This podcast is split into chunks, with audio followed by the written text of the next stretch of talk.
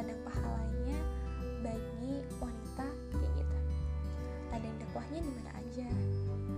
Pasti sudah nggak awam lagi ya kalau kita um, apa aja peran yang bisa dimiliki oleh wanita. Wanita muslimah khususnya. Muslimah sebagai hamba Allah muslimah sebagai seorang istri dan juga ibu kelak ya.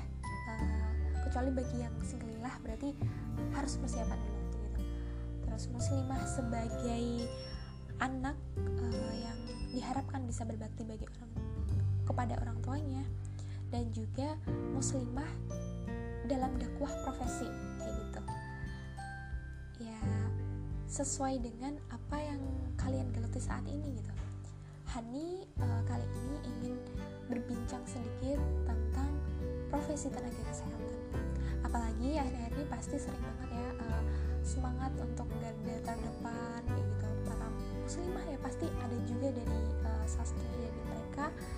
Sebagai seorang ahwat yang meskipun di kala apa ya kemarin hari raya Idul Fitri Ramadan masih aja gitu di rumah sakit terus merawat pasien gitu. Ya masya Allah ya uh, dokter perawat ahli gizi farmasi bidan dan lain-lain kayak gitu.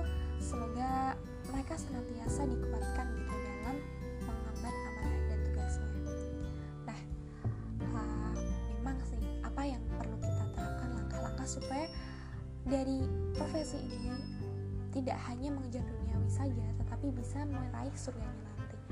Yang pertama pasti kita harus uh, memanjangkan niat ya kita ikhlas itu semuanya untuk mengharapkan ridhonya gitu. Karena kalau kita paham tentang tujuan hidup manusia kita, uh, eh, jadi manusia itu tim uh, jadi manusia itu kan memang diciptakan untuk beribadah gitu ya padanya. Dan juga amalan niat itu bukan hal yang mudah gitu mudah sekali terbolak balik amalan yang besar bisa menjadi kecil karena niatnya dan amalan yang kecil bisa menjadi besar gitu karena niatnya. Selain itu uh, dalam profesi ini kita harus haus akan ilmu gitu dan mendakwahkannya ya kan? Karena memang profesi tenaga kesehatan tuh sangat ilmunya update gitu jadi kita harus long life learner ya kan? Ini memang disebutkan juga ya dimention di Quran surah Yusuf 108 katakanlah Muhammad inilah jalan agamaku. Aku dan Allah dengan ilmu yang benar. Maha suci Allah dan aku tidak termasuk orang-orang yang musyrik.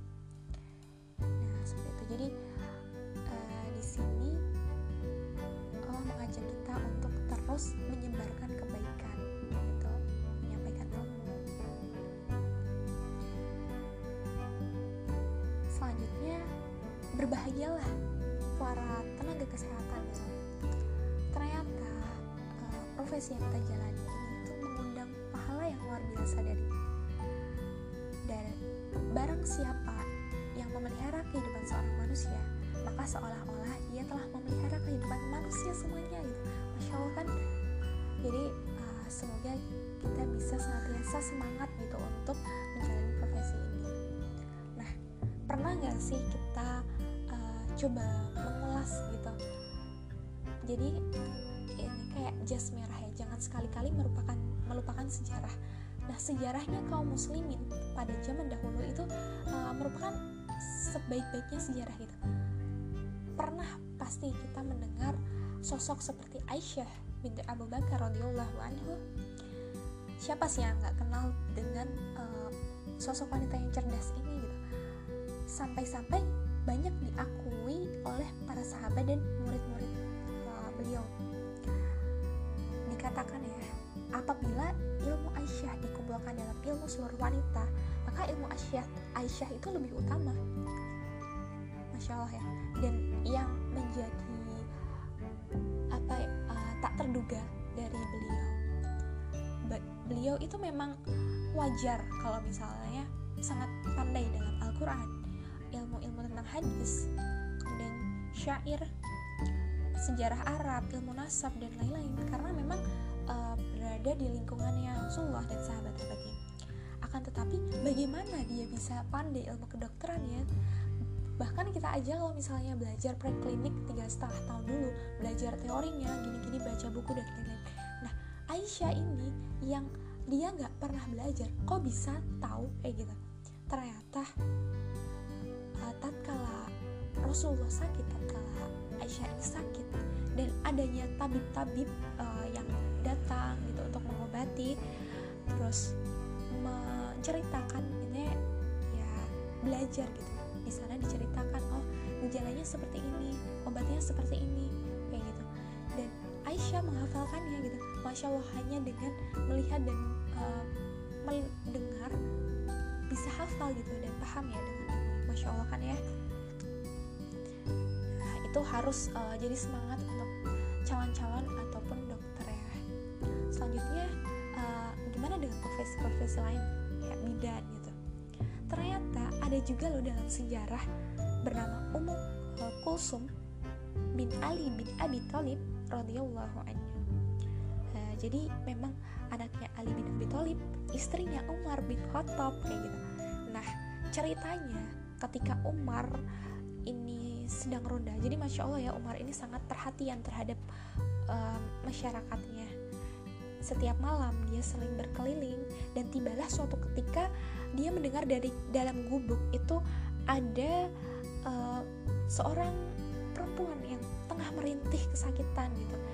Ternyata di depan gubuknya itu ada seorang laki-laki yang sedang duduk termenung. Nah Umar menghampirinya gitu. Or orang Badui ini sebenarnya nggak tahu gitu. Uh, oh ini Umar ya gitu kan. Memang sangat pandai uh, apa ya Umar itu sangat nggak kelihatan gitu. Sangat rendah hati gitu. Dan uh, dia menanyakan sebenarnya apa yang terjadi gitu di dalam. Awalnya orang Baduy ini nggak mau ngaku gitu. Tapi karena terus-terus uh, ditanyain dan sebenarnya Amirul sang Amirul Mukminin mau membantu akhirnya terbukalah bahwa di dalam ada seorang istrinya yang tengah melahir yang hendak melahirkan. Dan gak ada yang bisa membantu tanpa berpikir panjang, Umar akhirnya pulang menemui istrinya. Nah, coba apa yang dikatakan eh, Umar kepada Ummu Kulsum? Apakah kamu ingin mendapatkan pahala yang akan Allah limpahkan kepadamu? Masya Allah kan ya, ladang pahala lo di sini ya. Nah, apa wujud kebaikan dan pahala tersebut wahai Umar? Akhirnya uh, diceritakan kejadian itu dan langsung Ummu Kulsum uh, membawa segala peralatan. Kemudian uh, sang Umar juga membawa beberapa persiapan kayak misalnya uh, bawa kuali yang dalamnya ada mentega dan makanan berangkat semuanya ke sana. Kemudian uh, Ummu membantu proses pelahirannya dan Umar membantunya uh, orang Baduy ini memasak gitu.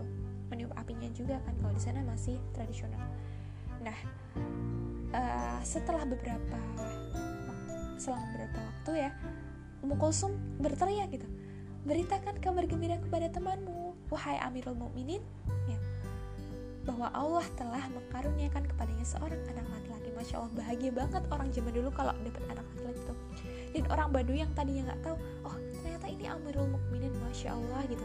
Jadi uh, betapa orang zaman dulu sangat mencintai kayak gitu ya khalifahnya kayak gitu.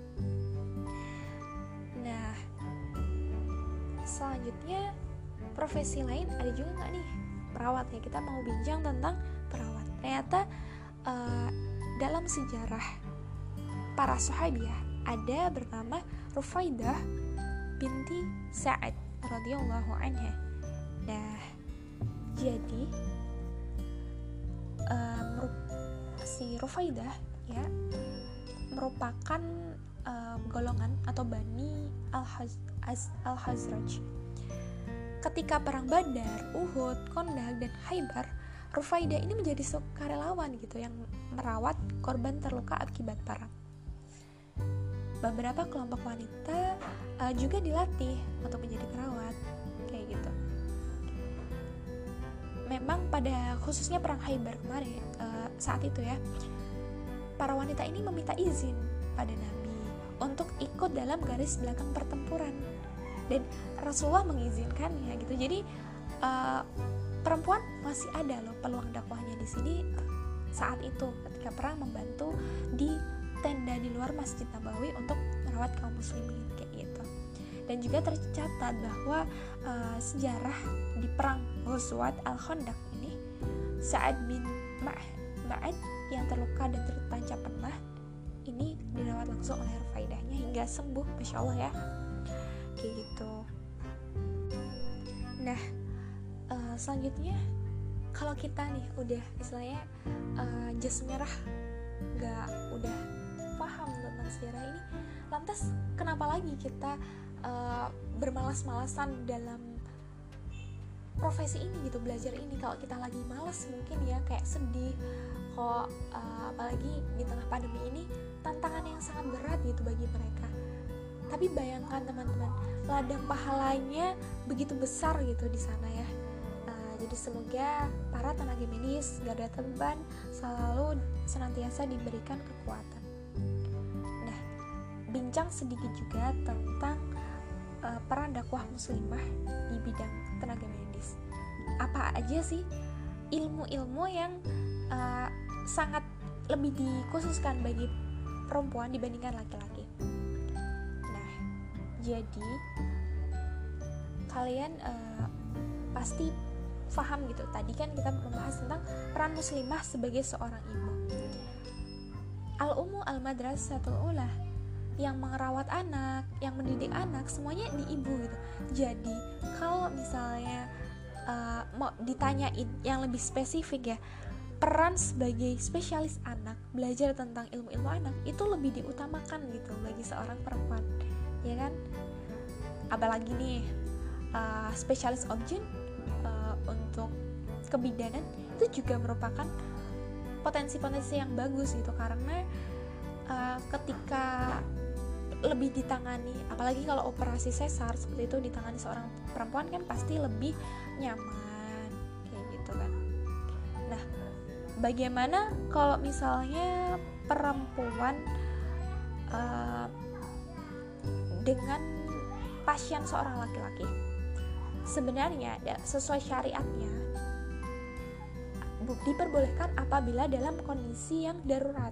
Dalam artian seperti perang kayak gitu bisa boleh kan masih merawat eh, laki-laki uh, gitu kemudian kalau misalnya dengan Eh, metode-metode uh, yang tidak secara langsung gitu misalnya rokyah syariah edukasi itu masih diperbolehkan kayak gitu. Terus uh, apalagi nih kalau misalnya uh, sebagai seorang wanita juga yang paling fardu kifayah ya memang merawat bagi kesehatan wanita lain gitu. Jadi emang ilmu-ilmu terkait reproduksi apa sih masalah-masalah wanita yang sering terjadi sekarang kayak gitu? Nah itu lebih diutamakan lagi untuk kita pelajari wahai solihah ya. Gitu. Semoga uh, ke depannya kita bisa lebih bersemangat untuk meraih keutamaan ini untuk mempelajari ilmu-ilmu yang penting bagi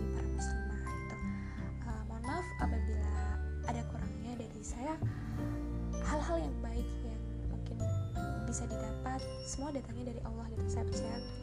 Dan kalau misalnya ada salah memang uh, mohon maaf gitu. Ada aja bisikannya gitu. Dan dari saya sendiri mungkin salah. Semoga bisa bermanfaat.